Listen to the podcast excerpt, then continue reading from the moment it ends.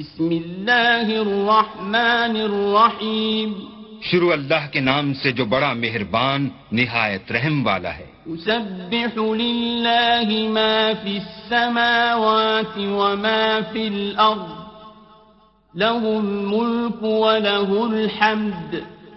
وهو على كل شيء قدير جو چیز آسمانوں میں ہے اور جو چیز زمین میں ہے سب اللہ کی تسبیح کرتی ہے۔ اسی کی سچی بادشاہی ہے اور اسی کی تعریف لامتناہی ہے اور وہ ہر چیز پر قادر ہے۔ هو الذي خلقكم فمنكم كافر ومنكم مؤمن والله بما تعملون بصير۔ وہی تو ہے جس نے تم کو پیدا کیا۔ پھر کوئی تم میں سے کافر ہے اور کوئی مومن۔ اور جو کچھ تم کرتے ہو اللہ اس کو دیکھتا ہے۔ خلق السماوات والأرض بالحق وصوركم فأحسن صوركم وإليه المصير. اسی نے آسمان اور زمین کو مبنی بر حکمت پیدا کیا اور اسی نے تمہاری صورتیں بنائیں اور صورتیں بھی پاکیزہ بنائیں اور اسی کی طرف تمہیں لوٹ کر جانا ہے۔ يعلم ما في السماوات والأرض ويعلم ما تسرون وما تعلنون والله عليم بذات الصدور جو کچھ آسمانوں اور زمین میں ہے وہ سب جانتا ہے اور جو کچھ تم چھپا کر کرتے ہو اور جو کھلم کھلا کرتے ہو اس سے بھی آگاہ ہے۔ اور اللہ دل کے بھیدوں سے واقف ہے۔ ألم يأتكم نبأ الذين كفروا من قبل فذاقوا وبال أمرهم ولهم عذاب أليم۔ کیا تم کو ان لوگوں کے حال کی خبر نہیں پہنچی جو پہلے کافر ہوئے تھے؟ تو انہوں نے اپنے کاموں کی سزا کا مزہ چکھ لیا۔ اور ابھی دکھ دینے والا عذاب اور ہونا ہے۔ ذلك بأنه كانت تأتيهم رسلهم بالبينات فقالوا أبشر يهدوننا فكفروا وتولوا واستغنى الله والله غني حميد۔ یہ اس لیے کہ ان کے پاس پیغمبر کھلی نشانیاں لے کر آئے تو یہ کہتے کہ کیا آدمی ہمارے ہادی بنتے ہیں؟ تو انہوں نے ان کو نہ مانا اور منہ پھیر لیا اور اللہ نے بھی بے پرواہی کی اور اللہ بے پرواہ اور سزاوار حمد و ثنا ہے۔ زعم الذين كفروا أن لن يبعثوا قل بلى وربي لتبعثن ثم لتنبؤن بما عملتم وذلك على الله يسير جو لوگ کافر ہیں، ان کا اعتقاد ہے کہ وہ دوبارہ ہرگز نہیں اٹھائے جائیں گے۔ کہہ دو کہ ہاں ہاں میرے پروردگار کی قسم، تم ضرور اٹھائے جاؤ گے۔ پھر جو جو کام تم کرتے رہے ہو وہ تمہیں بتائے جائیں گے اور یہ بات اللہ کو آسان ہے۔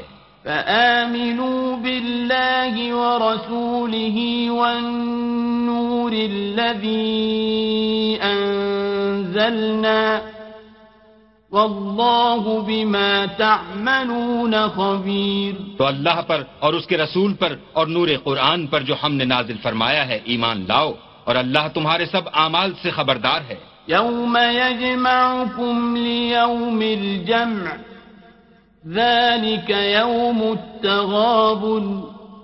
ومن يؤمن بالله ويعمل صالحا يكفر عنه سيئاته ويدخله جنات ويدخله جنات تجري من تحتها الأنهار خالدين فيها أبدا. ذلك الفوز العظيم. جس دن وہ تم کو اکٹھا ہونے یعنی قیامت کے دن اکٹھا کرے گا، وہ نقصان اٹھانے کا دن ہے۔ اور جو شخص اللہ پر ایمان لائے اور نیک عمل کرے، وہ اس سے اس کی برائیاں دور کر دے گا۔ اور باغ ہائے بہشت میں جن کے نیچے نہریں بہ رہی ہیں داخل کرے گا۔ ہمیشہ ان میں رہیں گے۔ یہ بڑی کامیابی ہے۔ والذین كفروا وكذبوا بآیاتنا أولئك أصحاب النار خالدين فيها وبئس المصير۔ اور جنہوں نے کفر کیا اور ہماری آیتوں کو جھٹلایا وہی اہل دوزخ ہیں۔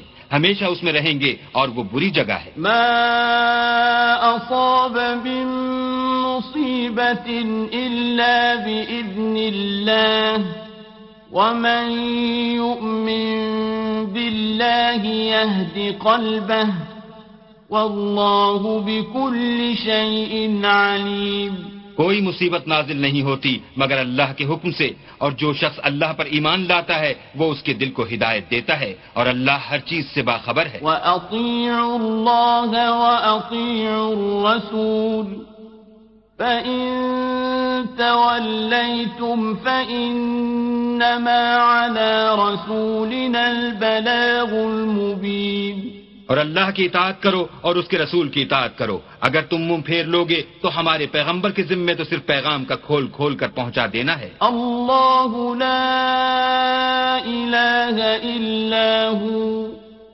وعلى اللہ فلیتوکل المؤمنون۔ اللہ جو معبود برحق ہے۔ اس کے سوا کوئی عبادت کے لائق نہیں۔ تو مومنوں کو چاہیے کہ اللہ ہی پر بھروسہ رکھیں۔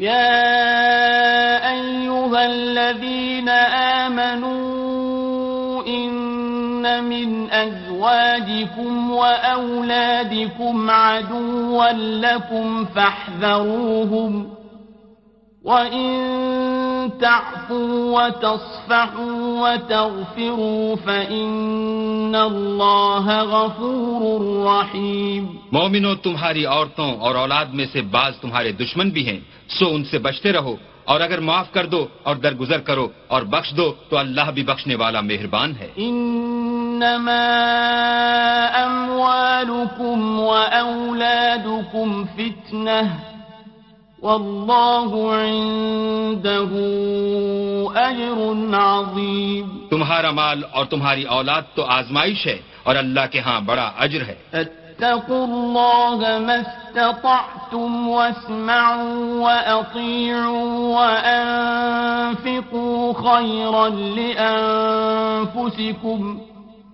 ومن يوق شح نفسه فأولئك هم المفلحون سو جہاں تک ہو سکے اللہ سے ڈرو اور اس کے احکام کو سنو اور اس کے فرما بردار رہو اور اس کی راہ میں خرچ کرو، یہ تمہارے حق میں بہتر ہے۔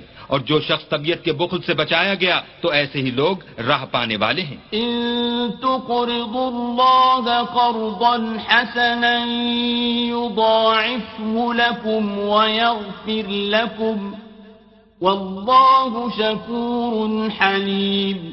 اگر تم اللہ کو اخلاص اور نیت نیک سے قرض دو گے تو وہ تم کو اس کا دوچن دے گا اور تمہارے گناہ بھی معاف کر دے گا اور اللہ قدر شناس اور بردبار ہے۔ عالم الغیب والشہادت العزیز الحکیم۔